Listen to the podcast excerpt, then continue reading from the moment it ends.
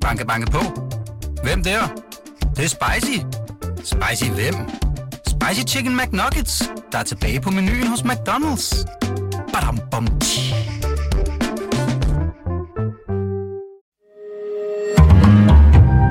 Berlingske.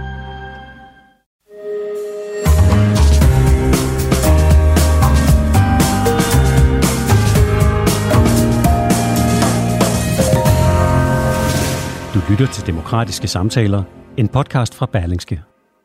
Øh, velkommen, Magnus Heunicke. Tusind tak. Velkommen til jer, kære publikum, til det er jo den fjerde demokratiske samtale, som jeg har med en af vores ministre Yes. øh, her i, øh, i salen. Øh, og i dag er det så sundhedsminister øh, Magnus Heunicke.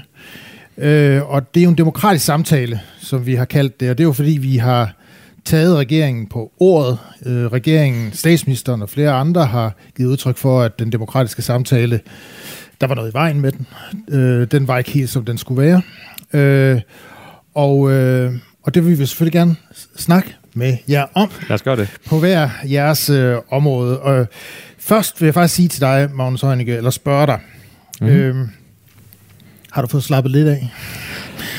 Ja, men øh, tak skal du have. Ja, det har jeg. Ja, og øh, altså, nu skal man, altså det at være min, at en, sådan en fagminister med et rimelig stort ressort og mange, mange hundredtusind mennesker, der arbejder hver dag, det er jo et hårdt arbejde.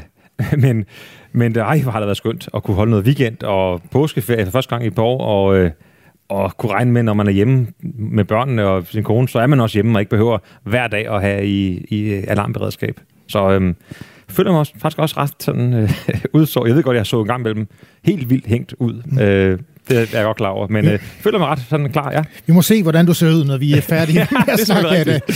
For, forhåbentlig, forhåbentlig står du op. Øh, fordi det her er jo tænkt som samtale. Yes. Det er ikke tænkt som et sted, hvor vi skal flå hinanden i stykker nødvendigvis. Men vi skal selvfølgelig... Øh, Nu rykker lige lidt til. Jeg synes, det sidder lidt bag ved dig. Ja, ja, det, sådan kan være, det kan godt være. Øh, men vi skal jo have en, forhåbentlig en fornuftig samtale om nogle af de ting, øh, nogle af de ting, der kan være at snakke om, om den demokratiske samtale. Selvfølgelig især på, på de områder, I hver især øh, er ressortminister Ja. øh, for. Øh, og, øh, og som jeg har gjort ved et par af de andre samtaler, så har jeg, så har jeg også ligesom prøvet til en start at tage udgangspunkt i noget, hvor det kunne være, at vi havde en eller anden form for andragende. Øh, øh, og derfor vil jeg hive øh, en overskrift frem på en artikel, jeg selv skrev for små, øh, det er faktisk lige ved godt og vel to år siden, og som jeg har fået lidt røg for øh, undervejs. Øh, og jeg ved ikke, om du, om du kan huske den, Det ved jeg, men hvad det er for lidt. Det er, det er den her. Ja, det Øhm, husker jeg tydeligt.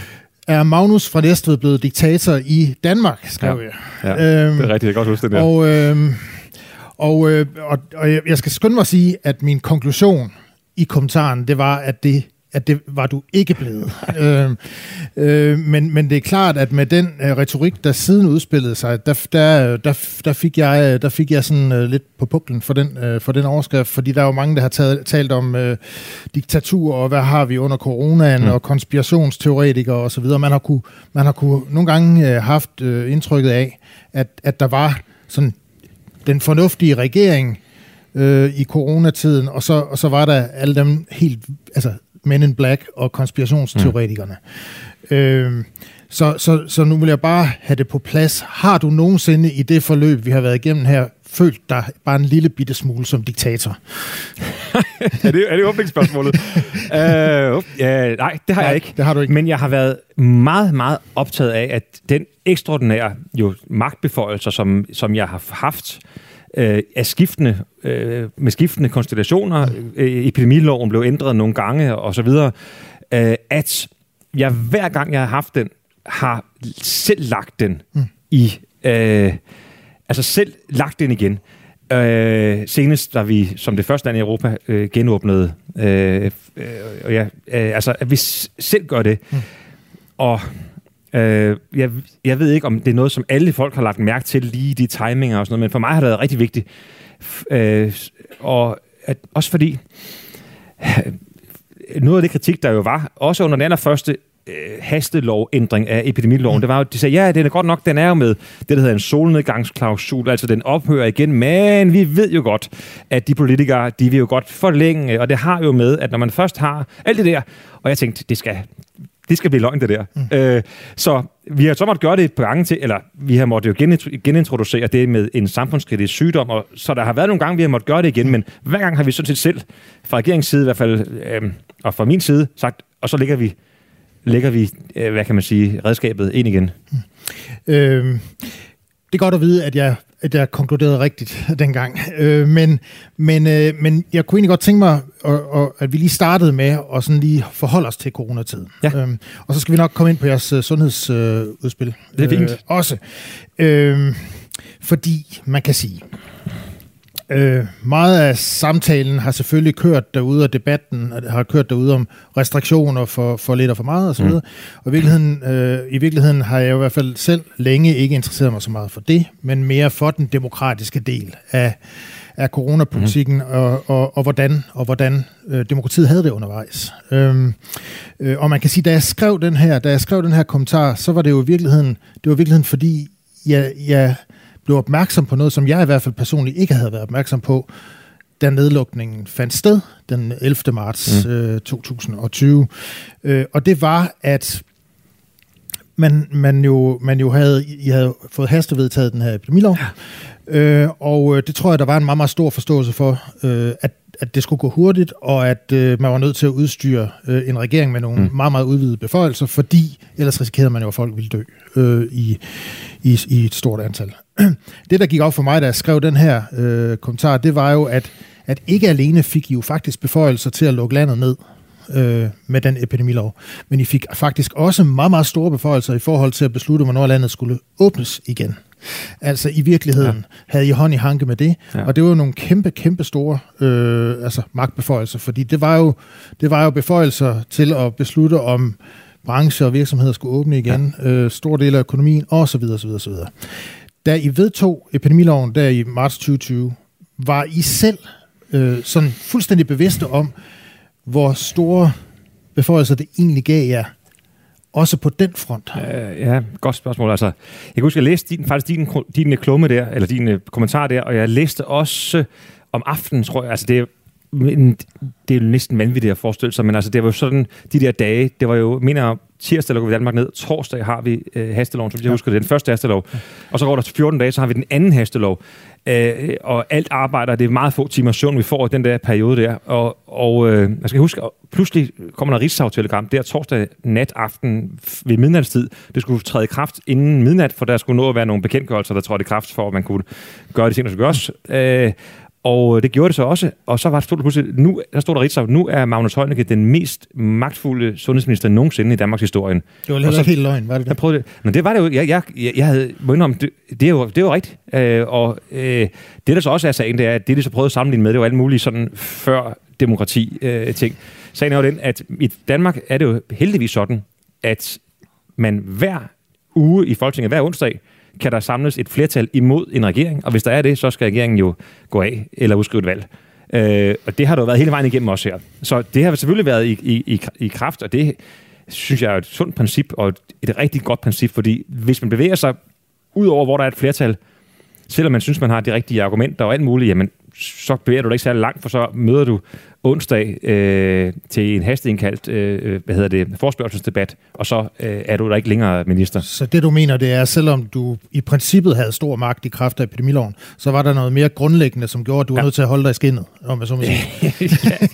ja, ja, men så kan man godt sige det, ja. men, men øh, som, som gjorde, at vi var at vi var nødt til, vi havde også behov for, man skal også sige, i den situation, og i de mange dage, der gik, og faktisk også uger, var der jo ingen, der anede, om det, vi gjorde, virkede. Jeg er lige i gang med at læse Lone Simonsens coronalone, som hun selv kalder sig selv, øh, og jeg er blevet kaldt i medierne, spå om øh, Danmark og andres landes håndtering, og også hvad vi kan lære, og hvad, hvad der venter os fremover, og så videre. Meget, meget lærerig bog. Øh, men det hun jo også øh, siger, det er, det der nedlukning, der var ingen erfaring med det, så ingen lande vidste, hvilke redskaber der faktisk virkede, heller ikke os. Øh, og dermed det er jo godt at kunne gøre det, man synes, der skal gøres, men det var jo også øh, altså med næsten bind for øjnene, fordi hvad vil egentlig virke?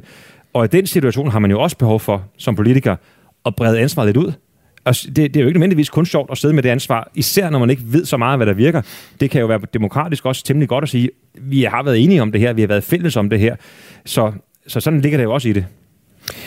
Øh, når jeg siger det der med, at man har sådan kunne have fornemmelsen af, at, at dem, der var meget kritiske over for jer, de var sådan lidt, det var sådan lidt tosserne, øh, som, øh, som, som jeg tror, vi alle sammen har bemærket, eller i hvert fald øh, relativt sådan hardcore synspunkter øh, ja. øh, imod, øh, hvad enten det var vacciner eller nedlukninger, ja. eller hvad, det, hvad man nu kan forestille sig. Øh, når jeg ligesom peger på, at det faktisk ikke er helt rigtigt, så er det jo fordi, at øh, af mange grunde, men, men, men der kom jo øh, et cirka et år senere, kom der en rapport, som Folketinget selv bestilte. Ja, Grønnegård-rapporten. Grønnegård-rapporten. Ja. Og, øh, og meget kan man sige om Jørgen Grønnegård, men, øh, men, men, men, øh, men nogen men in black er han jo ikke. Øh, og øh, ikke mig bekendt i hvert fald. Øh, han, han, øh, han er jo i den grad en, der kender, kender til, øh, til processerne og systemerne. Øh, og, og den rapport, han udgav, den konkluderede jo noget om præcis den her første fase, ja. hvis vi nu lige skal snakke om den. Yes. Øh, nogle af konklusionerne var i rapporten, at beslutningsprocesserne var så centraliseret i den her øh, periode, at det risikerede at gøre beslutningerne dårligere. Det er min parafrasering. Øh, øh, at, at der ikke altid skete en tilstrækkelig afvejning i, i forhold til konsekvenserne for andre patientgrupper i forhold til de tiltag, man, øh, man besluttede. Øh, at der ikke var en sådan tilstrækkelig øh, opmærksomhed på, i hvor høj grad man faktisk var i gang med at gribe ind i sådan grundlæggende øh, frihedsrettigheder. Og så, så konkluderer den jo også øh, rapporten noget om, øh, at måden man greb ind på, og det der i hvert fald i rapporten øh, angives som sådan manglende involvering af Folketinget, at det kunne skabe problemer med den demokratiske legitimitet i forhold til så store indgreb. Ja. Øh, da du så den her rapport... Jeg prøver lidt hjælp en gang. Bare, undskyld, jeg, nogle gange så er lidt en... Lidt en øh, er det ikke rigtigt forstået? Var det ikke, var det ikke september 2020 eller sådan noget der, eller oktober 20, eller hvad var det? Ja, jeg kan ikke huske præcis, ja, det var 20, det var i 20, er det ikke rigtigt? Det var enten var det 20 eller starten 21. Jeg kan ikke lige huske var det eksakt dato. Ja, det går være, det. Øh, ja. men, men rapporten kom jo i hvert fald, ja, ja, ja. Øh, og, og den var jo kritisk over for nogle dele ja. af øh, det forløb, der var her i den tidligste del. Ja. Øh, da, da du så rapporten, ja. var, var der så noget, øh, der, hvad skal man sige, gav anledning til, at du øh, tænkte, at, øh, at her gik vi faktisk her gjorde vi måske det rigtige, men vi gjorde det på den forkerte måde. Ja, jeg synes, øh, altså vi havde også aldrig til at mødes med ham, og jeg, og jeg, jeg deltog et arrangement også i Folketinget, hvor han var der, og, øh, og øh, jeg synes, det var glimrende. Når jeg spørger om tidspunktet, så er det fordi, jeg er ikke helt overbevist om, at det var det rigtige tidspunkt at lave en sådan kuglegravning, undersøgelse. Nu kan jeg se, at den svenske rigsdag og den svenske regering har forladet en nu her. Mm langt mere relevant at se nu her. Tænk, den blev jo lavet, som jeg husker det, blev, dels kan man sige, at mine medarbejdere havde enormt travlt med at håndtere og være klar til anden bølge. Pludselig skulle vi aflevere, og det var jo 10.000 vis af dokumenter og hjælpe øh, med at finde ting frem, hvilket selvfølgelig skal man gøre. Men, men det er ligesom et ekstra pres at give en medarbejdergruppe som, og nogle styrelser, som har forhånd har travlt. Men det andet er jo så, Vores mål var jo at komme, vi havde den, I kan huske den røde, eller den orange og det røde, røde og den grønne kurve. Målet var jo at komme igennem, indtil vi havde vaccinen supermåbnet. Mm. Indtil vi havde den. Og, og vi lykkedes os jo med at få holdt det på, formentlig, det er jo altså jo mørketal, men formentlig omkring kun 10 procent af befolkningen, og især dem, som ikke var i så stor risiko for, vi fik slet ikke frahold, friholdt alle, selvfølgelig ikke, men især holdt friholdt de mest sårbare. Og det vil sige, lykkedes med en strategi at få tvunget den der epidemi ned på den der grønne kurve, indtil vi så havde vaccinen. Øh, og, og den her rapport er altså skrevet under, før vi havde vaccinen, og før vi har de her ting. Og det var, synes jeg måske, øh, at når han så siger for eksempel, at der er andre sygdomsgrupper, det er noget, det jeg mm. bedre mærke, jeg kan tydeligt huske også, at der er nogle sygdomsgrupper, som er blevet dårligere, eller som man har set, været lidt blind for. Det var der jo en kritik i medierne også, forskellige, der har sagt det. Jeg, sige, jeg havde en møde forleden med, med kræftens bekæmpelse, som sagde, at dem bekendt, kræftens bekæmpelse i Danmark, var der ingen lande som i Danmark, som på den måde kunne have intakte kræftpakker, intakte kræftforløb, alt det kørende, fordi man sørgede for, at sygehusvæsenet ikke blev overbelastet. Øh, for det, når, når vi argumenterede for med de der kurver, at sygehusvæsenet ikke skulle blive overbelastet, hvorfor var det det? Ja, selvfølgelig var det selvfølgelig for at skåne befolkningen for mange coronadødsfald, men det var lige så vigtigt at skåne alle de sygdomsgrupper, som har behov for et sundhedsvæsen, fra, at sygehusene bliver øh, over, øh, overrendt øh, og, øh, og bliver, bliver og, og kollapser. Og, og det, det element synes jeg ikke rigtigt, han havde med, og måske fordi han skrev det lidt for tidligt i forløbet. Øh, men, men, men ellers, Så, det, ja. så du tror, at hvis man nu satte Grønnegård eller en anden i spidsen for at lave en rapport i dag, ville bedømmelsen af, af jeres indsats tidligt i det her, for, altså igen, vi, vi taler tidligt, Ja, ja, første ja, ja, fase, ja, ja, første ja. ja. halve år Ja. øh, af coronaen, hvor der blev truffet drastiske beslutninger, Ja, som jo som vi aldrig har prøvet før. som vi aldrig har prøvet før, Ja. ja. og, som, øh, og, som jo, og som jo og som jo greb ind i almindelige danskers helt, helt almindelige Helt frihedsrettigheder ja. på en måde, som man heller ikke har oplevet før. Ja. Ja. Vil bedømmelsen så være mere positiv i dag på den demokratiske front? Nu Ja, ja, ja. ja. taler vi ikke på Nej, sygdomsfronten, men ja, på- men på den demokratiske front. Ja. Mm, Det, det, det ved jeg jo ikke. Altså det, det, men, det jo- men det vil jeg nok selv synes. Ja. Også fordi vi har et demokrati. Hvorfor. Ja. har vi et demokrati? Det er jo for, at, at, at vi kan træffe nogle beslutninger, som som øh, hjælper det her samfund fremad, mm. som beskytter dem, der skal beskyttes, som giver muligheder til, til os alle. Og øh, jeg må bare konstatere, at de lande, som klarer sig, og det er jo næsten alle lande, som har klaret som har højere dødstal, som har haft mere pres på sygehusvæsenet, som, de har også haft hvad? De har også haft stærkere indskrænkninger i den private øh, færden. De har, mange, mange, mange lande har jo haft øh, ikke kun nedlukninger, men jo decideret udgangsforbud. Også fuldstændig normale, demokratiske, frie lande, som har haft det. Hvor mange kilometer må du gå, hvor mange meter må du gå uden for dit eget hus? Hvad skal du have af bevis for, hvad du skal? Vi ser det i øjeblikket meget, meget dramatisk i Kina. Det er ikke der, vi har været i Europa, gudskelov. Men, øh, men, men de lande, der har været igennem det, jeg ved, jeg, jeg, det opleves ikke af mig som om, at deres demokrati er styrket. Øh, det, der synes jeg måske, at vores demokrati har klaret testen. Øh, men ligesom vores sundhedsvæsen har klaret testen, det er jo ikke fordi, man, vi ville ønske, at det ikke var nødvendigt det her, men jeg synes faktisk, at vi har klaret testen. Men hvis vi har klaret testen, kan det så ikke også være, fordi vi faktisk herhjemme begyndte at diskutere det ret tidligt i forløbet? Jo, Fordi det, det- der, var jo, der var jo allerede der i de Ja, tidlige måneder, var der. der var allerede i, øh, i, øh, i 2020, Ja, ja. var der, var der, var der Ja. øh, kritik, øh, også i forbindelse med genåbningen, ja. og hvor meget man involverede Folketingets partier. Ja, men det var der masser af, og det, altså man kan sige, det er jo ikke fordi, jeg, altså jeg er jo uddannet journalist, og jeg, elsker, jeg læser aviser hver, hver, hele tiden, men, men øh, når der er så hårdt arbejdspres, så kan jeg simpelthen ikke nå at læse, også fordi, hvis nogle gange, når man er når man har ansvaret for nogle ting, og man ser nogen, der skriver noget, som er negativt om noget, så har man lyst til at løse det problem. Mm. Men det kan jo ikke nytte noget, at man hopper fra tue til tue. Man er nødt til at have og få de der strukturer til at fungere, og vi var jo ikke forberedt. Ingen land var forberedt. Danmark var elendigt forberedt på den her pandemi. Og nogle af de her ting, få købt de vacciner, få, købt, få lavet det test setup, få lavet de øh, beskyttelse og få lavet også nedlukninger og genåbninger og andet, krævede så stor energi, at det var ikke hver dag, jeg lige fik læst sådan i dybden i forhold til aviserne. Øh, så, men jeg registrerede, at der var noget, og, og, og når der er diskussioner, men også kritik, så er det også sådan, at det er, uanset, og det her er det under corona, og altid, det er disciplinerende for magten, mm. at magten ved, det skal kunne tåle en forside i Berlingske, mm. eller øh, alle andre steder. Det er disciplinerende, og det er, har det også været selvfølgelig også her, det er klart. Øh, godt. Øh, jeg ved jo, at rigtig mange øh, jo vil synes, at det vigtigste under sådan en pandemi her, det er jo faktisk, at man får håndteret den, så, så, så få som muligt øh, bliver alvorligt syge eller dør. Men, men, men det, det, vi sidder og diskuterer her, det er altså noget andet. Det vil jeg bare lige sige her, det er ikke fordi, jeg ikke anerkender, at det selvfølgelig er en meget, meget stor del af, af det, vi har været igennem de sidste to år, jo handlet om, om, om øh, det kerne sundhedsspørgsmål, det er, hvordan slipper vi faktisk igennem den her øh, øh, pandemi på en nogenlunde måde. Øh, men, men, men her er det en demokratisk samtale, så det Yes. er sådan demokrat, det er demokratiet og, og de dimensioner, vi taler om. Men man lige ja. Ja. sige det der. Ja. Glad for, at du siger det.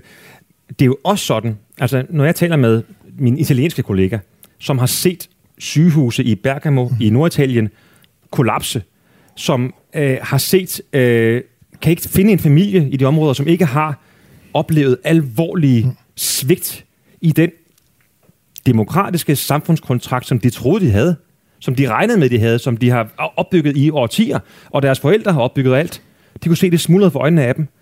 Øh, eller når jeg taler med min indiske kollega, vi også har gjort, som løb tør for ilt i det kæmpe land, øh, under, øh, faktisk under Delta-bølgen der i Indien, den meget, meget hårde bølge, som I så, I så også lige bålene der i Indien, nogle af jer fra billederne der, øh, er nogle af de lande, som er enormt hårdt ramt, øh, og, og som vi har en kontakt med i Danmark.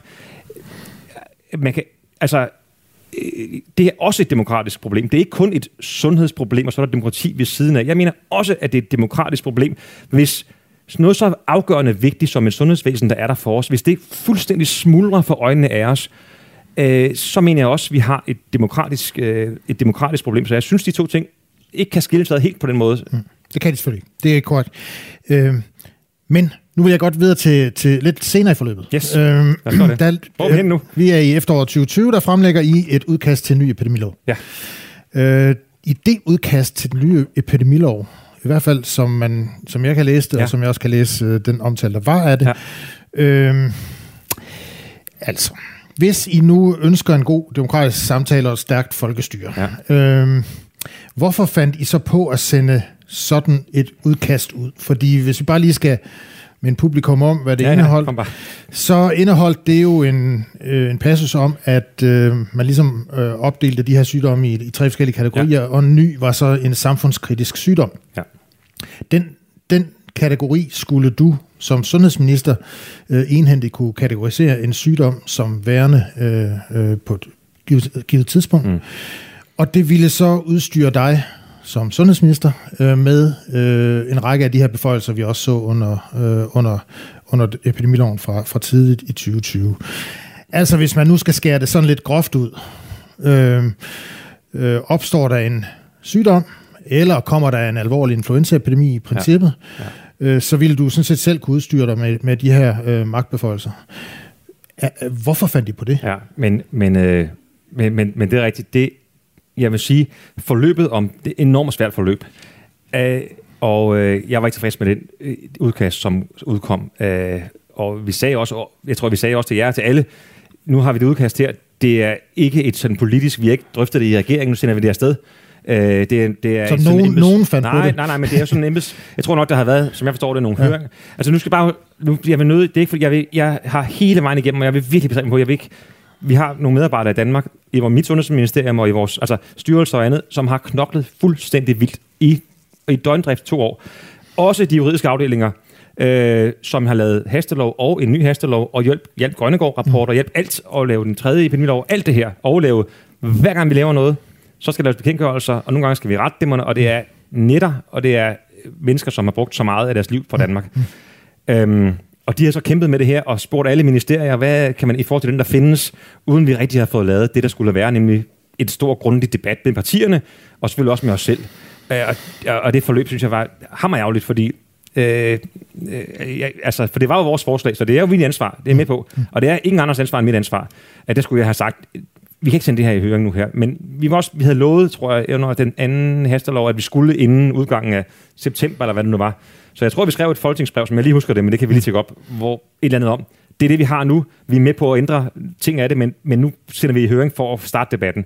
Men, og det blev selvfølgelig til regeringsforslag, øh, og, og øh, øh, det var sådan et præmaturt, ikke gennemarbejdet politisk og ikke drøftet politisk forslag, og det er mit ansvar.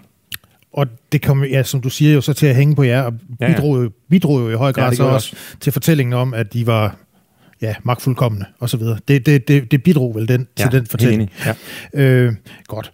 Øh, jamen så lad os gå videre fra den, fordi den blev jo ikke til noget. Og, og, og sådan set også anerkendelse af, at de jo selv gik ud og sagde, at den epidemilov, der så kom øh, i starten af 2021, ja. øh, var, var bedre end det udkast, de selv havde fremlagt der tidligere. Øh, så, så, så, så anerkendelse af det.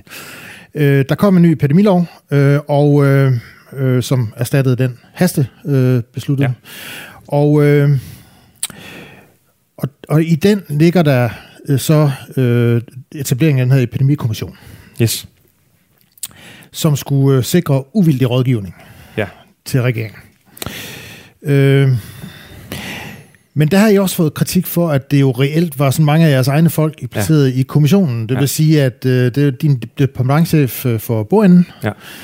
Øh, og øh, I skulle så sidde og foreslå jer selv, hvad der skulle ske. Nå, jeg er ikke med det. Jeg er ikke, jeg er, ikke, jeg, er, jeg, er med, jeg er med på det. Men det er jo, ja. det er jo, det er jo en, en del folk, der er, om jeg så må sige, øh, i... Øh, i stald hos dig, øh, enten i Sundhedsministeriet eller de andre ministerier, ja. øh, som sidder i den her kommission. Øh, Grønnegård, for nu at komme tilbage til ham, yes.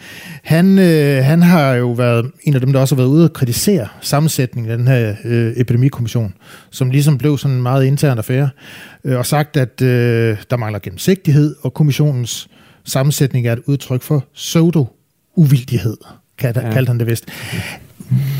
Hvorfor gjorde I så det? Ja.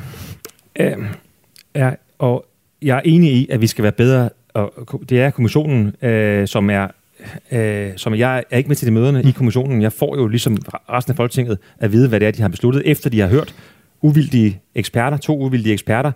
Øh, jeg synes også, at det, der er kommet tilbage til Folketinget, så har vi jo så haft typisk møder med Folketingets partier og drøft, og, mm. og så har styrelserne, Søren Brostrøm, øh, øh, øh, Henrik Ullum og sådan noget, fortalt, det her er vores sundhedsfaglige der er så siddet også, der sidder også en fra øh, Erhvervsministeriet, der taler erhvervslivets sag selvfølgelig. Øh, Finansministeriet taler statsfinansernes sag. Sundhedsministeriet og Justitsministeriet, der taler øh, øh, ordensmagtens øh, sag i, mm. i denne kommission. Og så er der altså to uafhængige eksperter, som så høres øh, hver gang. Og jeg synes også, der skulle være mere øh, gennemsigtighed i det, som bliver lagt frem, så man kan få mere øh, at vide, hvad har så diskussionen været der i. Øh, det har aldrig været min ønske, mit ønske, at Epidemikommissionen skulle være et frit svævende, øh, sådan øh, uafhængig organ, som så bare skulle komme med deres øh, ansvarsfrie ting.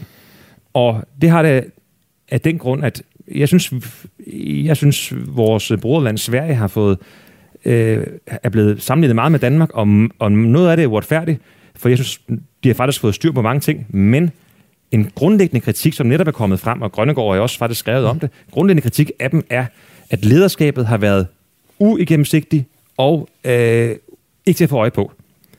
Netop, og jeg har, og netop fordi det politiske lederskab har var, øh, de kunne ikke tage affære, for der var en kommission bestående af mennesker, som ikke rigtig var valgt til at, øh, at styre noget. Og hvis de træffede forkerte beslutninger, så er der bare så er ikke noget at gøre. Og Øh, og det synes jeg er en demo- kæmpe demokratisk... Det, det, det, du siger, at dem, der sidder i den kommission, skulle i virkeligheden sidde lidt på, altså have hånden på kogepladen. Jeg synes, man skal have hånden på kogepladen, ja. Det synes jeg er vigtigt. Og det har jeg også, jeg er også KL. KL er jo ikke på min... Øh, altså KL og Danske Regioner er også med. Øh, de er jo så på vegne af kommuner, på vegne af vores regioner og sygehusvæsen.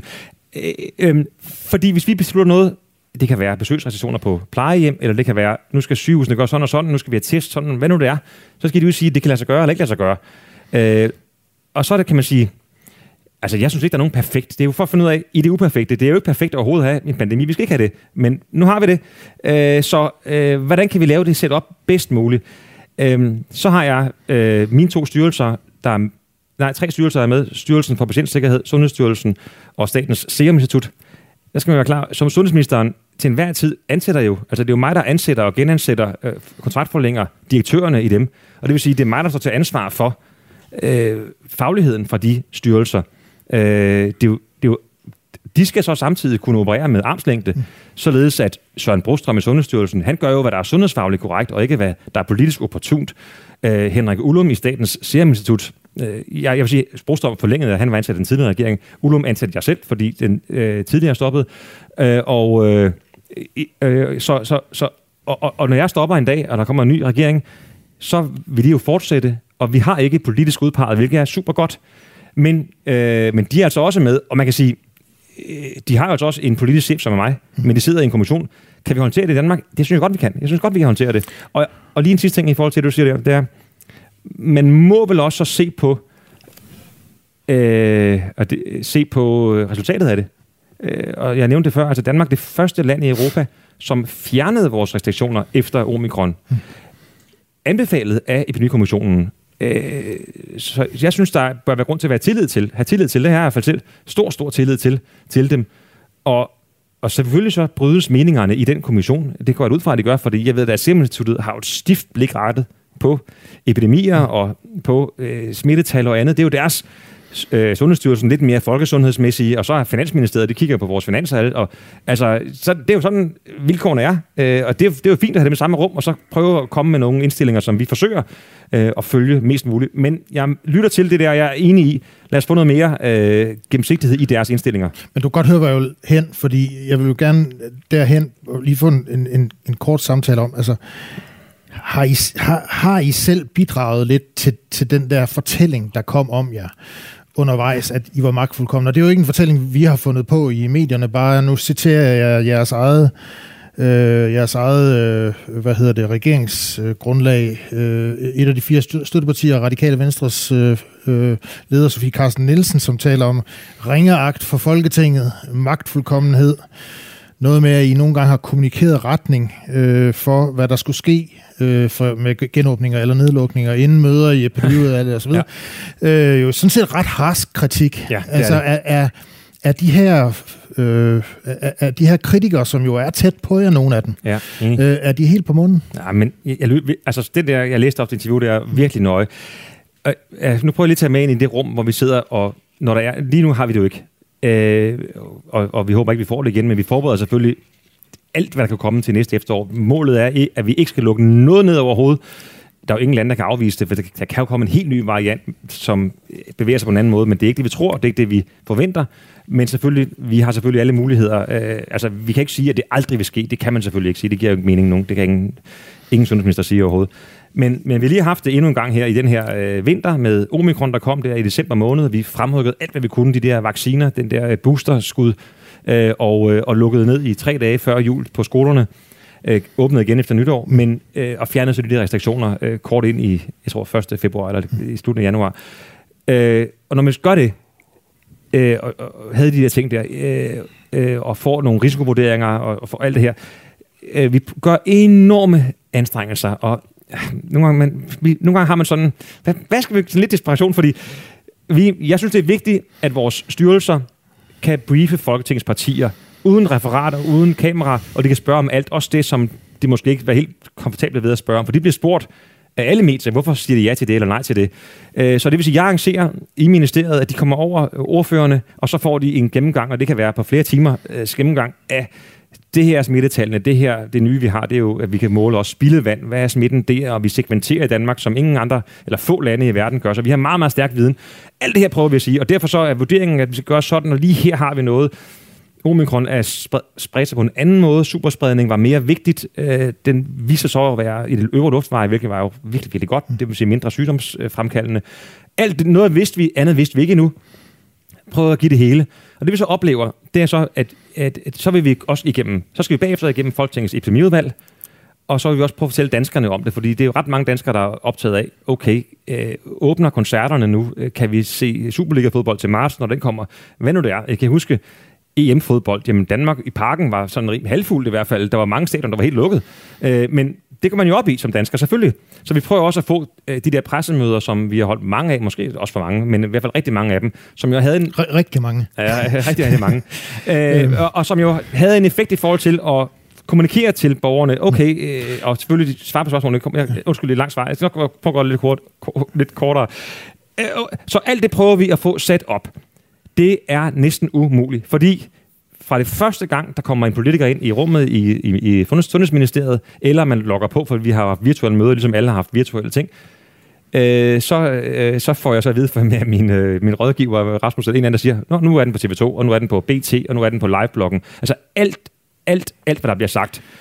Øhm, okay, så vi, okay, det er jo, det er jo kun halv, den halve sandhed, eller den, altså, øh, at alt ligger i en grad, som er, som er sådan, når vi først er ordførende inde til at briefe dem om, her er det her, vi vil gå til, vi sender det over, og vi, de sidder og skriver imens i ministeriet, altså det, det foregår jo sådan, øh, især med nedlukninger, som skal ske ret hurtigt, fordi man har en ny variant eller andre ting, som skal ske ret hurtigt. Der sidder de og skriver øh, indstillinger til øh, et, et, i andre etager, og så sidder vi og mødes, og vi har øh, Ulum og Brostrøm og et par andre med til mødet, og så lægger alt til, til, ud til, øh, til de der øh, medier. Så- Og, og, og så, okay, så skal vi bagefter ind i, ind i epidemiudvalget, det gør jeg også ind og så at gøre. Og så prøver vi også om aftenen så at have et, øh, et, et, et, et, et pressemøde, hvor vi prøver at levere sådan øh, lidt mere end bare et brudstykke på BT.dk eller på noget. Øh, og fordi befolkningen, synes jeg, har krav på at få en ordentlig fortælling af videre. Bare for at sige, det er ikke helt nemt. Så- Vi så- forsøger hele tiden at gøre det på den, i den her takt her, men, men nogle gange så ligger der ting, øh, at det er altså aldrig os, der skulle... Hvorfor, hvad skulle vi have interesse i det? Nej, men, men, men, men det du lidt sidder og siger der, det, er det ikke, at, at, at på grund af de der læk, så, så, så er det simpelthen ikke gangbart at inddrage Folketinget for tidligt? Tværtom, overhovedet ikke. Men, Det- men, men øh, som jeg... Altså, nej, overhovedet ikke. Der var, der var jo tilfælde... Nej, der var lige faktisk ja. overhovedet ikke. Nej. Overhovedet ikke. Nej. Men, øh, men, men, men Folketinget har, synes jeg, berettiget krav på en ordentlig, grundig behandling. Især så vigtige spørgsmål her. Jeg og, huske- og en ordentlig, grundig behandling har jeg, er det mit ansvar som minister at stå for. Og hvordan gør jeg det? Det gør jeg ved at invitere ordførerne over, og ved at gennemgå, og det kan være flere timer som sagt, med hvor både med grafer og med alt, hvad vi ved, og, og derfor vil deres indstilling være det. Vi beder dem ikke om at sige ja eller nej. Vi siger bare, nu kan I så gå hjem og tænke, vil vi sende noget skriftligt til jer senere i dag, eller måske i morgen vil vi mødes i epidemiudvalget, hvor vi vil komme og bede om mandat til det. Men nu har I fået mulighed for at stille alle jeres umiddelbare spørgsmål til øh, eksperterne, som jo ikke er med i epidemiudvalget. Det er jo kun mig, der sidder der som minister. Jeg kan kun svare sådan, altså jeg, jeg, jeg er jo ikke epidemiologen over alle, så det er jo Ulum, der er det for eksempel. Ja, det synes jeg er vigtigt, at man har den mulighed, og jeg kan godt ærge mig over, øh, jeg synes, det er en ærgerlig tendens, at at så grundigt et forarbejde, som jeg synes virkelig er afgørende vigtigt for et folketing, og det er det. Jeg har selv, øh, alle har jo siddet også og været opposition og været minister, det har vi jo alle sammen prøvet, øh, eller næsten alle har prøvet det der ting, at, øh, det er da vigtigt, og det er da lidt ærgerligt, at, at man får at få det klik, ikke lige kan sige, okay, nu er der noget information fra nogle myndigheder, danskerne er vildt optaget af det selvfølgelig, øh, kunne man måske prøve at fokusere på at spørge ind til det, øh, og, og, og, og danse sine holdninger. Der er jo rig mulighed for at, kommentere, for at, at kommentere det, men det, men det er bare derfor er det, det er i meget, meget lille grad os, der styrer den kommunikation. Ja, men, det er i meget høj grad, øh, hvad kan man sige, læg og andet, der styrer den kommunikation, fordi vi har nogle ting, vi skal gøre. Men nu kan det jo lyde meget som teknik det her, men, men helt ja. ligegyldigt er det jo ikke, fordi det er jo sådan, det er Folketinget, der skal kontrollere det andet. Øh, Folketinget, der skal kon- kontrollere regeringen.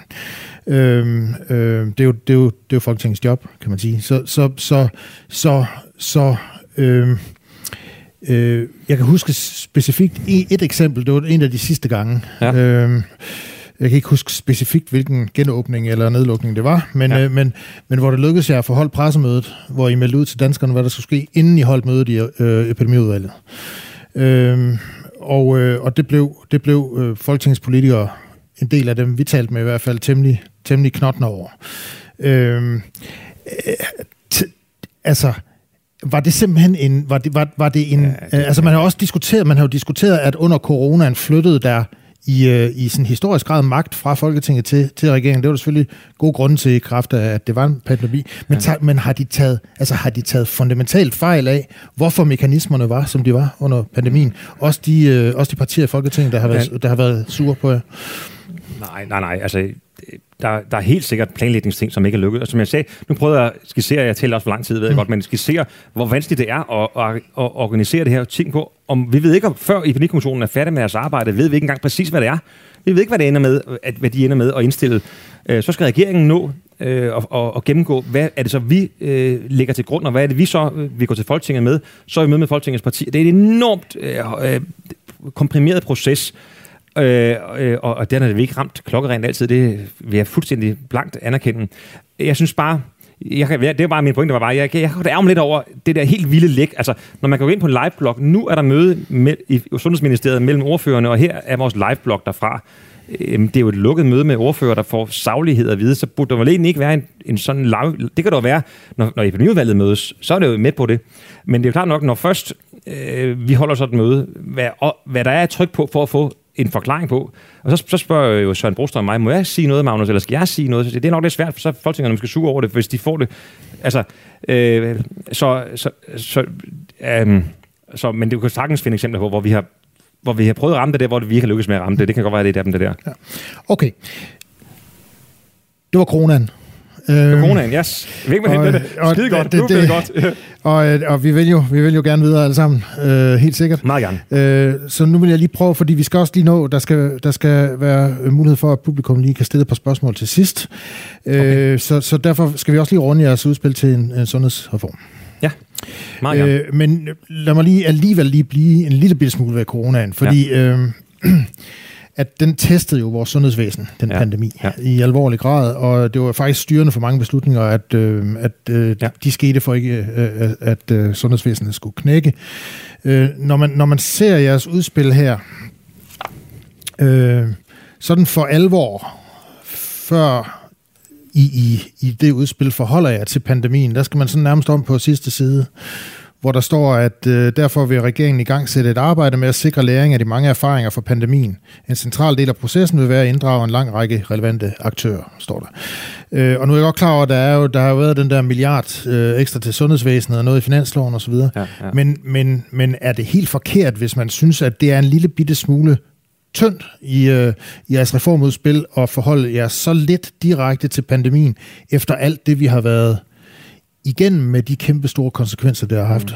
Ja, ja jeg synes, jeg, det er. Øhm, en stor del af det er jo også, et helt ben af det, det er jo, hvordan vi gør sundhedsvæsenet mere robust. Og det er jo, man må jo sige, sundhedsvæsenet i Danmark er kommet igennem det her, men ikke uden skrammer. Og vi har jo, lige nu har vi øh, alt for mange patienter, som stadig venter med at få deres operation, fordi man jo aflyste øh, operationer. Det der kun aflyses selvfølgelig ikke nogen, øh, ikke kritiske, ikke, ikke hjerte, ikke kræft og andet, men det, det, der man kunne aflyse, øh, det sendte man en aflysning øh, afsted, en udsættelse, øh, og, og vi kæmper med at få produktiviteten, som det hedder så smukt, op i vores øh, sundhedsvæsen. Det, det gør altså, øh, det gør alle denne sundhedsvæsener, men, men, men vi er, har et sundhedsvæsen, som jo på mange måder vi kan være stolte over, men som jo også fik udstillet sine skrøbeligheder.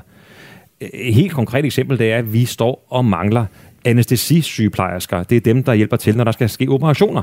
Øh, det gør vi i Danmark, men det, det gør store dele af, af verden, og de har knoklet, og de har knoklet på, virkelig knoklet på overtid igennem nu lang tid.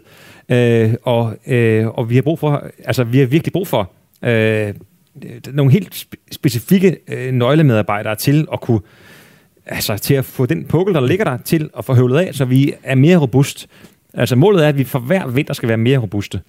Føler du dig tryg ved, at hvis man nu siger, at man, man gennemførte jeres, øh, jeres øh, udspil her, øh, at, øh, at vi så faktisk havde et sundhedsvæsen, som var i stand til at håndtere den næste pandemi, hvis der, kom, øh, hvis der kommer en pandemi, som ligner, ligner den corona, vi lige har været igennem. Og det gør der jo nok en dag. Ja, det gør det. Disease X kalder de den. den ja. Vi ved ikke, hvad det bliver, men ja. der kommer noget. Ja, det gør jeg, fordi øh, et andet element øh, i den her robusthed, det er jo, at vi foreslår at sætte Søren Brostrøm i spidsen for en øh, kommission, som skal se på, altså man kan sige, at sundhedsvæsenet i Danmark er lidt at sammenligne med en øh, kaserne, at det er, hvad må du lave? Du har den uddannelse, der er du på den plads. Og du er på den plads, og du er på den plads, og du er på den plads. Bortset fra på en kaserne, der kan du trods alt starte som rekrut, og så kan du ellers gå op igennem hierarkiet. Det er næsten umuligt, fordi hvis du først har en uddannelse i sundhedsvæsenet, så skal du blive der. Du kan måske få en specialuddannelse i det, men ellers blive der, og aldrig skifte over. Og, og der er vi alt for dårlige simpelthen til at og gøre det attraktivt også for medarbejdere at være der lidt længere tid, end kun lige nyuddannede, der, øh, indtil de oplever, at det er hårdt arbejde, for det er hårdt arbejde i sundhedsvæsenet.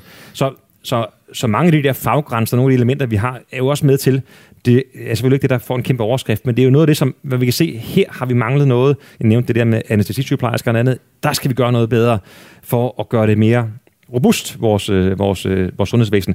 Og så lige en ting til, at vi kan ikke have en sundhedsvæsen, der er der ingen lande, der har, med et eller andet procent, 10 procent, 30 procent øh, frie intensiv sengekapacitet, der altså, bare står der og venter. Står, nej. Det, det er der ingen land, der har. Det, det, det, det kan man ikke. Men det, man skal, jo skal have, det er at sige, okay, øh, og der var, der var nogle historier i december, om nu er der kun så mange. Ja, det skal der kun være. Fordi øh, altså, tre uger efter, år, ja, for mange, øh, fem tror jeg, eller seks øh, ledige øh, senge, det var, jeg tror, der er nogen, der mente, det var en stor skandal. Der skal ikke være nogen ledige senge, fordi øh, de andre senge bruges så til en anden planlagt operation. Hvis man så samme tal tre uger efter, så var tallet steget med, jeg tror, 70 øh, intensivsenge eller deromkring, fordi man har så rykket rundt, og det er jo det, man skal kunne. Sundhedsvæsenet skal kunne køre øh, med, med høj kapacitet under, og hele året rundt. Og når der så er, og det er der typisk om vinteren i Danmark, på grund af, på grund af selvfølgelig influenza, men nu også corona, jamen så skal man kunne øh, omgradere de der, øh, de der intensivsenge. Øh, det kræver så også, at personalet er klar på, at lave de der, og at byggerierne er klar til det og så videre, til, til at gøre det, på den måde til at gøre det mere fleksibelt, og dermed også mere robust. Men jeg tror, at vi skal have nogle tomme afdelinger med nogle tomme senge. Altså, de kan næsten se det for dig. Selvfølgelig er det ikke sådan, nogle lande kan fungere. Godt, så du står inden for, at øh, næste gang, så er vi bedre klædt på? Det, ja, det, det er det, vi arbejder 100% for. Øh, godt. Øh, så vil jeg lige ind på noget andet også øh, fra jeres sundhedsudspil, og det blev jo meget bemærket, da, da det kom. Øh, ja. Fordi en del af den demokratiske samtale, det er jo også, hvor stor tillid vi har til hinanden, og, øh, dermed også tillid til, at vi kan finde ud af at leve hinandens, eller vores liv, som, ja. øh, som, øh, som øh, ansvarligt, som vi nu selv øh, har lyst til. Øh, så det blev bemærket, da I kom med det her sundhedsudspil, at ja. det første, der står i den, det er det er jeres øh, forslag til øh, at forbyde alkoholsalg til, til unge under 18 ja. og udfase cigaretter, kan man og sige. Og nikotinprodukter. Og nik- nikotinprodukter. Ja. Øhm, og det kan jeg forstå, det er jeres øh, egen ungdomsorganisation DSU jo imod. Ja, det er også, også, også ja. den tidligere justitsminister har jeg noteret mig, øh, nu har tilsluttet sig det synspunkt. øh, Øh, kan, kan, man ikke, kan man ikke sige, at øh, er det helt unfair, det der, mm. øh, det der vi også hørt fra, fra DSU og andre. Nu øh, kan de unge endelig komme ud og, og more sig lidt igen, og så er regeringen der som et søm. Nu skal I ikke komme for godt i gang, I skal hellere gå til spejder. Ja, men, men øhm, altså, vi har jo i dag en regel, eller aldersgrænse, der hedder 16 år. Ja. Øh, og så har vi endda en 16-18 år, hvor der er nogle procent, der må du købe, fra du er, til du er 16, og så nogle andre, når du er 18. Så vi har jo allerede i dag de regler.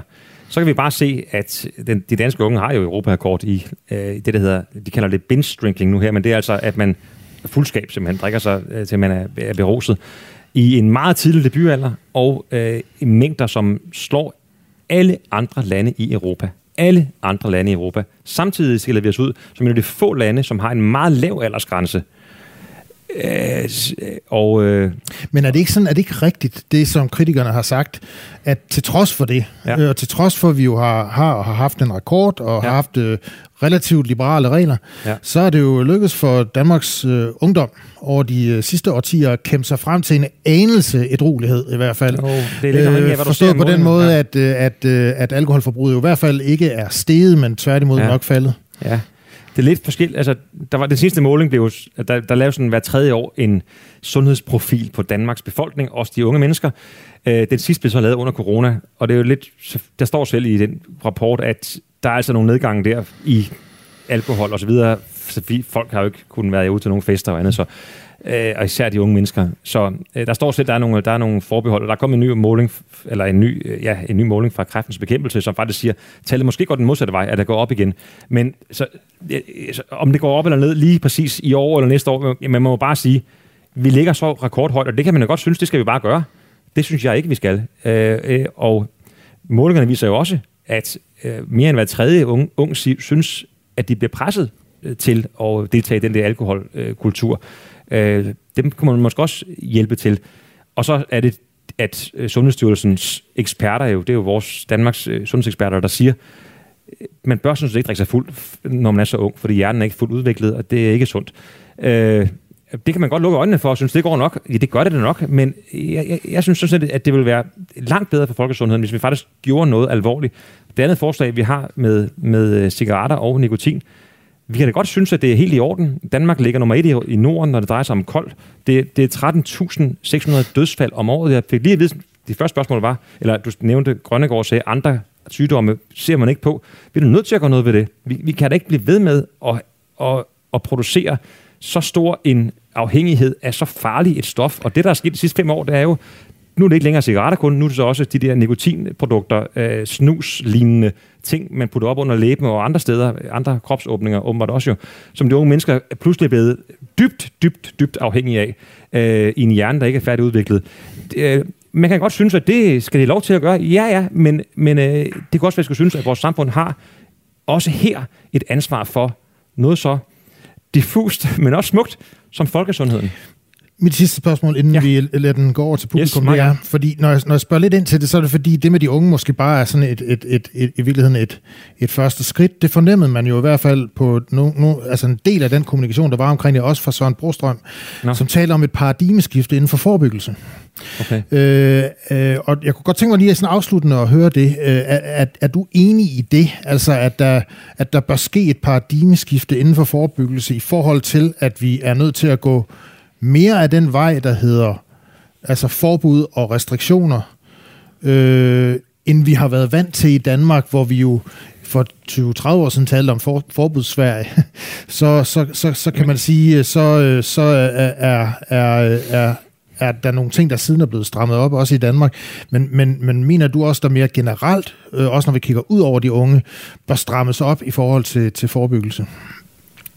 Uh, nej, nu har jeg ikke set det der interview nej. med Søren Brostrøm, så uh, nej, altså vores forslag er, forslag er de unge, og det er jo, det er, altså det er fordi, altså Danmark, vi ligger, altså vi ligger tårnhøjt på unge menneskers druk, og vi er et af de få lande i Europa, jeg tror, der er fem eller seks andre i hele Europa, som har lige så liberale regler, altså så lav et alder, når du starter. Så kunne man måske lytte til, hvad eksperterne siger. Også de danske eksperter, men alle eksperter siger, det, det har altså en stor effekt, hvis man lige rykker det lidt. Og når man er forældre, jeg er selv forældre til en pige på 17 år, og øh, altså, øh, det der gruppe ting, der er i, i en skoleklasse, øhm, jeg kan se, at nogle af jer nikker også, altså det, det kender man jo godt. Det er lidt nemmere som forældre at sige, at vi gør det altså først, når man er 18, fordi sådan er reglerne. Øh, selvfølgelig kan man da godt købe noget, og man kan godt få noget til en konfirmation, det er da ikke det, men altså købe noget til dem, det må man jo godt gøre. Det er ikke, fordi det er forbudt at indtage, men øh, det har en effekt, og sidste gang vi gjorde det, det er måske det, der er det, sidste gang vi gjorde det, da vi havde nul regler, så kom der en 15 år, en 16 års grænse for nogle øh, promiller, eller nogle procenter, øh, øh, der havde det en kæmpe effekt på at rykke øh, hvad hedder det, debutalderen altså for, for fuldskab opad. Det var da godt, at vi fik, vi fik rykket den opad, men vi, det er ikke sådan, vi har andre vi har andre sådan planer i, i skuffen eller noget, hvis du spørger om det. Det her, det er, det er vores planer. Det andet er selvfølgelig nikotin og, øh, og øh, rygning, fordi noget af kan vi gøre selvfølgelig dem, der har, dem, der har det. Vi har bare, at dem, der er afhængige af det, vi er bare dårlige til. Altså, de aller, aller mest succesfulde øh, rygestopkurser, deres succesrate er jo alt, alt, alt, alt, alt for lav. Altså det, de kan aldrig komme op på 50 procent eller 40 procent. De ligger, nogle ligger nede på 5-10 procent, altså nogle lidt højere op, men det er altså ret lavt, man ligger langt bedre forebygget, men hun bliver afhængig af det. Godt. Øh, tak skal du have. Nu øh, er der mulighed for publikum til at stille et par spørgsmål øh, til ja. Magnus Heunicke, hvis, øh, hvis der er lyst til det. Så siger endelig frem, så kommer der en rundt med en mikrofon. Det er der her. Øh, jeg hedder Jane Lærke og har tidligere arbejdet i sundhedsvæsenet. Jeg kunne godt tænke dig at spørge omkring nu med jeres øh, reform. Øh, et fælles sundhedsjournalsystem. Du har udtalt dig nogle steder, at det er regionernes ansvar. Ja. Hvorfor er det ikke dit ansvar som minister, når nu regionerne ikke selv kan finde ud af det? Og så gå ind og sige, at der er kun én vej, og der er et fælles journalsystem i Danmark. Særligt fordi, at vi jo flytter patienterne mellem øh, hospitalerne på kryds og tværs af regionerne. Ja. Så hvornår får vi et fælles øh, journalsystem i Danmark? Ja. Jeg, jeg tror desværre ikke, vi får det. Jeg kan godt afsløre det her meget lukkede rum, eller hvad, det er vi vel ikke engang i. Men at, øh, det er noget, det jeg også kom ind og sagde, kan vi ikke gøre det? Og det er næsten lidt for godt. Nogle gange så er det sådan, det der lyder godt og føles godt og kommunikerer godt, det er nok også for godt til at være sandt. Og, og, og det, der kom, det, jeg så fik i hovedet af rapporter og andet fra det her dygtige ministerium af dygtige folk, det var, og dybe sukker også fra dem, det var at sige, øh, øh, det, hvad det vil koste af milliarder af kroner i et nyt udbud, hvor du stadig, fordi man har udbudt det EU-reglerne siger jo, vi skal, hvor du ikke er sikker på, hvem der vinder det udbud. Der kan jo så være de samme igen, der vinder. Øh, så, så, så, øh, og, øh, så, så øh, altså de, de vurderede, at det er øh, at det er langt bedre, og kraften brugt på at sikre, at, der, at de kan tale sammen ordentligt, og de fungerer ordentligt, de to, øh, de to primære to systemer, vi har nu her øh, i Danmark. Og så sagde jeg en ting til, det er, hvis vi kun havde et system, så ville vi jo være endnu mere øh, afhængige af, hvad nu hvis, altså, så, så har, er der reelt monopol på det danske sundhedsvæsen til et dansk eller udenlandsk system, hvor vi kunne risikere at, at være altså, dybt afhængige af det. Så derfor er der noget fornuftigt, synes de, eksperterne, at der er to. Jeg lytter til de eksperter, jeg kan godt se, hvad de, de spørgsmål, er. vil, det vil ikke ligge meget fjern at sige, så lad os da gøre det, men jeg er også nødt til at lytte til dem, som, som advarer kraftigt mod det her, og, øh, og der er både økonomiske, men også sådan øh, strukturelle årsager, mener de, at det er vil være øh, problemfyldt, hvis man prøver at, at lave, sige, vi har ikke to, men et øh, journalføringssystem i Danmark. Ja, der er mulighed. Der er en her. Øh, jeg hedder Claus Munk Jensen. Jeg er ledende overlæge på Rigshospitalet, ortopædkirurg. Og øh, der har været lidt snak omkring øh, pukler og ja. corona, og vi har jo i den grad knoklet. Og, yes.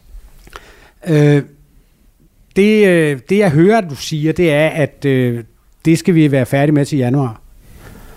Og, og, og det tror jeg altså ikke, vi når. Og, og, og mit spørgsmål er selvfølgelig, at der er nogle grupper, som, som ja. øh, fordi at vi ikke kan sende dem til privathospitaler. Vi har sendt vi sendte i 19 for 60 millioner ortopædkirurgi i Region Hovedstaden. Nu har vi sendt for 130 millioner ja. ud til privathospitalerne. Så det er ikke, fordi vi ikke vil arbejde sammen med dem. Enig. Vi vil rigtig gerne sende vores patienter, der kan behandles derud. Men vi har, måske specielt på Rigshospitalet, en lang række højt specialiserede funktioner, som ikke kan laves på privathospital. Og der har vi jo nu imellem to og tre års ventetid. Og, og det får vi ikke høvlet af til, øh, til januar. Der, der har vi bare nok behov for noget hjælp. Ja, ja men, men uh, først tak for kæmpe indsats. Jeg ved godt, hvor meget I knokler på riget og alle andre steder for at få den her kæmpe pukkel øh, høvlet af. Og jeg ved også, uh, altså apropos, det er jo også en politisk valg, vi har truffet i regeringen. Den aftale, vi lavede med danske regioner, det er, at I skal bruge alt det private, I kan. Øh, vi får nogle gange beskyldt for, at vi kun ser ideologi, og S er imod privat. Så det, intet, vi går op i en ting, det er at få hjulpet de patienter, der står på en kø. Og derfor er det godt, man gør det, men du har så også ret i, især måske på de højt specialiserede afdelinger, der er nogen, hvor man må sige, at privathospitalerne er slet ikke gider til at tage imod de patienter, så de skal igennem det offentlige øh, sygehusvæsen. Og øh, udfordringen er jo nu her, at, at det, vi har faktisk i øjeblikket færre henvisninger, end vi plejer. Det er jo sådan set meget godt. Hvor længe det varer, det ved vi ikke. Men vi har et hårdere pres på akutmodtagelserne, og det har vi i helt alle fem regioner uden vi rigtig har en forklaring på, hvad der egentlig er, hvad det egentlig er, at det skyldes øh, her i, i den her tid. Øh, det er jo ikke corona længere. Så hvad er det præcis, øh, der, at, at det skyldes? og derfor så, jeg havde med med, med alle fem regionsrådsformand, også den, den hovedstads, nej, det var sådan set næstformanden i hovedstaden, der, der var til møde her i sidste uge. Øh, og og øh, aftalen er stadigvæk, vi gør, hvad vi kan for at nå det i, inden øh, 31.12. Men der står også i aftalen, og, det vil vi så finansiere fra, fra statskassens side, der står også i aftalen, der vil nok være nogle udvalgte, udvalgte grupper øh, af, af, af diagnosekoder, hvor man siger, at det kan gå lidt ind i, i næste år, og det er det, du anmelder her. Og det ved jeg godt, når vi kommunikerer, når jeg siger det, så er det også for, vi skal have nogle mål med de ting, vi gør, og, og, og de aftaler, vi laver, skal vi have nogle mål med. Øhm, øh, fordi det er, det er en hovedopgave for os, og for jer, kan man sige, en hovedopgave at få, de, at få de her patienter. For det er jo hver gang, du får en patient klaret, jamen så er det en, der får et bedre liv. Ja. Godt, vi kan nå et spørgsmål mere her. Ja. Nå, der kommer have... lige en mikrofon, så vi kan høre alle sammen. Tak. Øhm, tak for... Jeg hedder Anne Krebs, og øh, jeg er knæpatient på Rigshospitalet. Øhm, men jeg vil lige sige tak for den der historiske corona-gennemgang, men jeg er meget glad for, at vi kommer frem til fremtiden nu.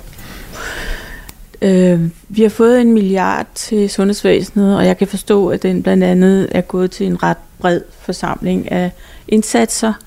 Men når vi nu ved, at det især er anestesidelen, som i forhold til mm. de meget lange øh, ventelister, der er på for eksempel sådan noget som knæoperationer, øh, øh, som mangler, så kan jeg egentlig ikke forstå, hvorfor man ikke øh, dirigerer de her indsatser lidt mere præcist ind til der, hvor det står svagest til i sundhedsvæsenet.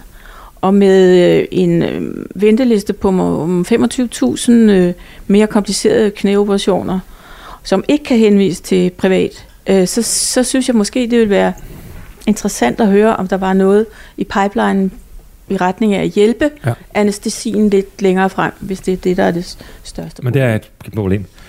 Øh, og, det, øh, og noget af det er, at det tager jo to år at uddanne en anestesi-sygeplejerske til at blive det. Øh, derefter så skal man jo også håbe på, at de har lyst til at blive jobbet og tage øh, nogle vagter, og vi vil jo meget, meget gerne have den op på fuld tid. Øh, øh, og øh, noget af det, vi helt konkret kigger på nu, det er, kan vi øh, give den efteruddannelse, det er jo folk, mennesker, der er sygeplejersker, giver den, øh, det koster penge, men, men det er vi klar til at sætte af, giver den, således at de øh, får afsluttet, gennemført, selvfølgelig sundhedsfagligt forsvarligt, måske mere målrettet til de konkrete element, ting, de skal lave i starten. Det kan netop være knæ, eller hvad, hvad det nu kan være. Øhm, øh, altså med selvfølgelig øh, lægerne, men altså det er opgave, de så har som, som, som øh, anestesisygeplejerske.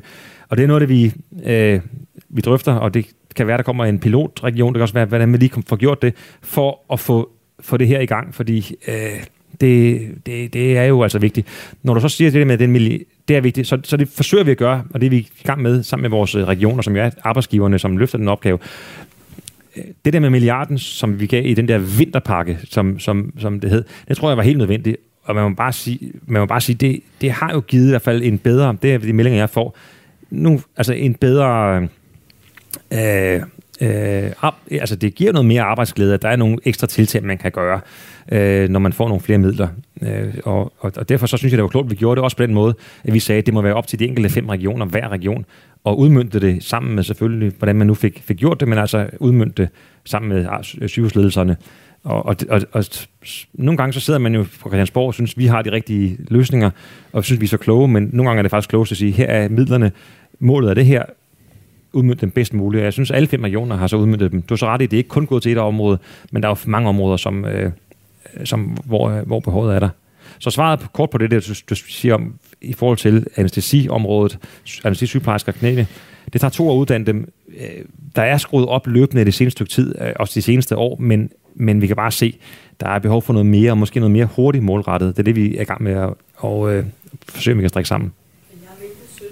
Ja.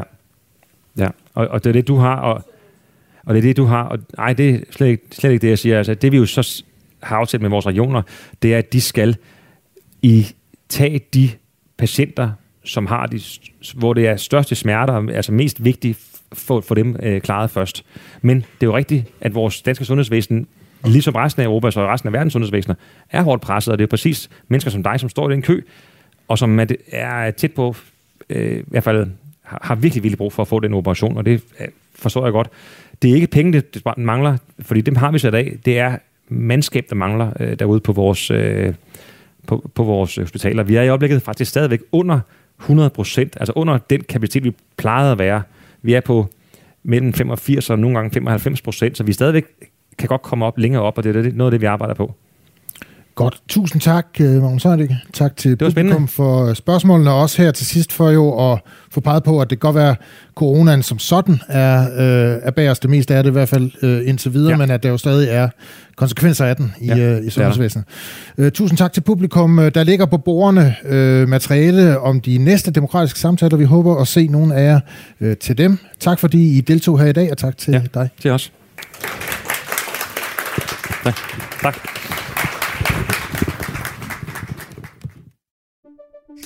Banke, banke på. Hvem der? Det, det er spicy. Spicy hvem? Spicy Chicken McNuggets, der er tilbage på menuen hos McDonald's. Badum, bom, tji.